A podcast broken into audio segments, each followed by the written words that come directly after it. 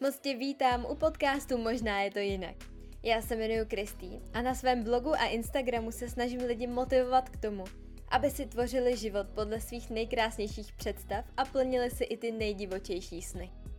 Takže jestli tě zajímá osobní rozvoj, zákon přitažlivosti nebo síla myšlenky, spiritualita a taky zdravý životní styl, tak si tu správně a poslouchej dál. Moc tě vítám u třetí epizody podcastu Možná je to jinak. A dnešní téma bude pro někoho možná trošku kontroverznější, možná trošku peprné. A to je téma, že štěstí je volba. Protože já se často setkávám s tím, že když někde veřejně řeknu, že štěstí je něco, co si každý může vytvořit a není to něco, s tím bychom se narodili, nebo něco, co by nám bylo předurčeno nějakým osudem, tak se setkávám s různými reakcemi. Někdo se snaží obhajovat, snaží si obhajovat ten svůj život, že ne, ne, ne, mně se tohle děje samo a já za to nemůžu. Což vlastně úplně chápu, protože já sama jsem v tady tom kolotoči byla zamotaná, protože většina z nás v tomhle byla vychovávaná. Takže je jasný, že se to setká s nějakým odporem a většina lidí v tomhle žije. Žije v tom, že se jim prostě něco děje a oni to nemůžou ovlivnit. Asi nejednou jste v životě slyšeli věty jako mě není přáno. On měl jenom štěstí. Mně se dějí špatné věci. Osud mi nepřeje. Jsem smolař. A podobná negativní prohlášení. Možná jste sami někdy takové věty použili nebo je ještě používáte. A co je taky velmi oblíbené je, to se stává jenom mně.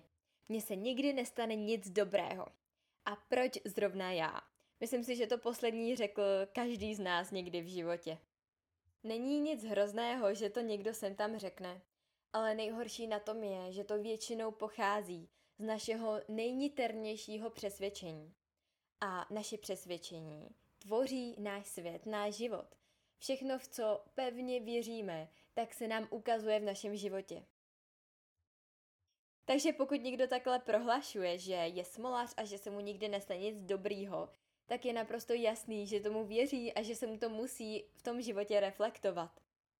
Vesmír mu bude stále ukazovat potvrzení jeho přesvědčení, takže mu do života budou stále chodit situace, kdy bude mít smůlu, kdy se mu nebude dařit a on bude čím dále víc přesvědčený, že má pravdu. A je to jednoduše bludný kruh, z kterého je docela těžký vyskočit.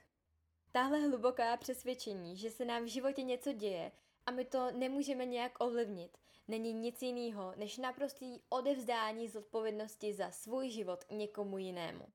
Kolikrát tu zodpovědnost dáváme do rukou například státu nebo systému. Někdo si stěžuje, že ho stát chce se říct z kůže a proto má špatný život a nemůže s tím nic dělat, protože ve státě musí žít. Ale nemusíme vůbec nic. Jenom taková vsuvka. Kolikrát tu zodpovědnost předáváme třeba Bohu, karmě změnových životů nebo našim rodičům a třeba taky místě narození, že spoustu lidí řekne, no já jsem se narodil do chudé rodiny, takže nikdy nemůžu být bohatý, je to prostě předurčený. A nebo taky partnerovi, že si třeba někdo stěžuje, že eh, nemůže žít tak, jak by chtěl, protože má mm, partnera nebo manžela, který mu to nedovolí. Často jsem se taky v eh, nějaké té ezoterické a spirituální sféře setkala s tím, že nějaký lidi svádí svůj spackaný život, svoje negativní myšlenky a negativní situace, které se jim dějou, svádí na nějaké bytosti, na nějaké entity, které jsou na ně přisáty, jako pejavice a jsou z nich energii a proto nemůžou být šťastní. Eh, já se nechci tady pouštět do nějakých tady hlubších témat, ale většinou, opravdu většinou věřím tomu, že je to pouze svedení odpovědnosti na něco jiného, než jsou oni sami. Otázkou je, proč tohle většina lidí dělá? No, eh, je to docela jednoduchý, protože je to pohodlný. Svíst tvoje problémy na někoho jiného je úplně nejpohodlnější způsob, jak se zbavit nějaký tíhy. Když začneme nadávat na něco, co nám udělalo něco špatného, tak se nám na chvilku uleví, na chvilku se cítíme líp. Ale co se týká nějakého dlouhodobého hlediska, tak to nikam nevede. Nějak si nepomůžeme tím, že budeme nadávat na stát, na partnera nebo někoho, kdo nám naboural auto.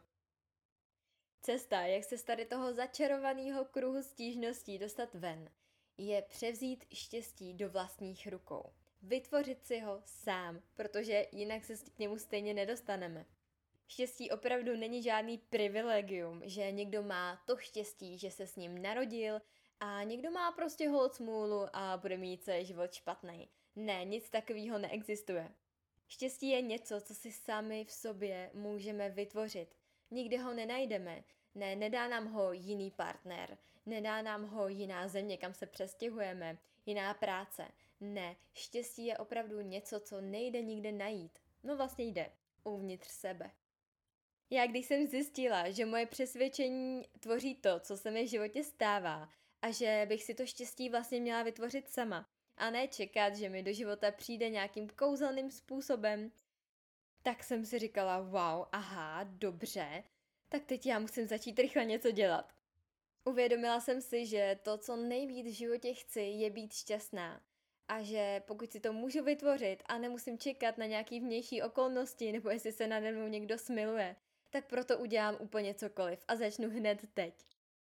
A v ten moment jsem si rozhodla, že já budu šťastná, že jsem šťastná a že se mi v životě budou dít samý krásné věci, že se mi budou plnit sny a že budu žít život takový, jaký chci. Úplně vymizela taková ta žárlivost, eh, kdy vidíte nějakého člověka na internetu nebo i v okolí, který se má krásně, má spoustu peněz, je šťastný, dělá, co ho baví a vy jenom prostě potichu na něj koukáte a žárlíte a v duchu na- nadáváte. Tak tohle úplně vymizelo a já jsem na tyhle lidi začala koukat úplně jako wow, obdivuju, že jsi tohle vytvořil, já si zatím jdu taky a jsi pro mě skvělou inspirací. Začala jsem připisovat hranice, které jsem měla v hlavě. Uh, například to, že mm, nemůžu si plnit všechny sny, nemůžu mít všechno, co chci, nemůžu mít krásný život. Všechny tady ty negativní vzorce a hranice, které jsem si nastavila během života, jsem začala mazat. A začala jsem je připisovat i pomocí myšlenek. Myšlenky jsou nádherný nástroj a jsou jeden z hlavních nástrojů, jak můžete s tady těma myšlenkovýma vzorcema v hlavě pracovat. Sice nějaký ten obrat k pozitivnímu myšlení začíná být už docela kliše, ale to je takový základ, který vám opravdu dokáže změnit celý život. Ono eh, pro lidskou mysl je to trošku takový jako moc jednoduchý, že jenom pozitivní myšlení mi dokáže změnit uh, celý život, to je jako nepravděpodobný. A spousta lidí si řekne, OK, já prostě mám informaci, že bych měl myslet pozitivně, ale přijde mi to moc jednoduchý, tak budu hledat něco dál. A to je podle mě velká chyba. Protože naše přesvědčení tvoří náš život a myšlenky právě pochází z našeho vnitřního přesvědčení. Takže je potřeba začít od základu a změnou myšlení změnit tyhle hluboký myšlenkový vzorce. Pomoct můžou i afirmace, jako například Já miluji život a život miluje mě. Dějí se mi samé dobré věci. Štěstí je moje přirozenost. Než jsem si uvědomila, že si to štěstí musím vytvořit sama a že můžu cokoliv na světě, tak kdyby mi tenkrát někdo před pár lety řekl, že budu mít Instagram, že se nebudu bát být vidět, že budu vydávat podcast a budu se živit tím, co mě baví, tak si asi zaklepu na čelo a budu si myslet, že je naprostej blázen. Už je to dlouhá doba, co se tady to moje nastavení změnilo a já jsem teď úplně jinde. A protože věřím, že všichni, co právě teď posloucháte, chcete být v životě šťastný a že je to váš cíl, tak bych tímhle podcastem chtěla předat takový poselství, že to štěstí si opravdu můžete vytvořit sami, nebo spíš musíte. A nemusíte čekat na žádný vnější okolnosti a spolíhat na nic jiného. Spolíhejte na sebe. Srovnejte si priority, přestaňte se vymlouvat na vládu a na rodinu a na místo narození a začněte opravdu dělat to, co vás baví, to, co milujete, co vychází z vašeho srdce a život se začne měnit úplně neuvěřitelným způsobem. Hlavní je vykročit, začít něco dělat, nebát se a tu zodpovědnost převzít.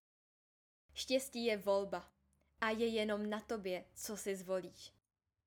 Jestli si zvolíš být nešťastný a budeš se točit jenom ve stížnostech, nebo si zvolíš být šťastný a uděláš pro to cokoliv, nebudeš se bát vykročit z komfortní zóny a půjdeš si za tím, co doopravdy chceš. Já vám moc ze srdce přeju, abyste našli odvahu a zvládli všechny problémy a překážky a to štěstí si v životě vytvořili. Tak tenhle díl je u konce a já moc doufám, že vám předal něco hodnotného, že se vám líbil. Dejte mi klidně vědět na Instagramu, já budu moc ráda. A zatím se mějte krásně, já se na vás budu těšit u další epizody.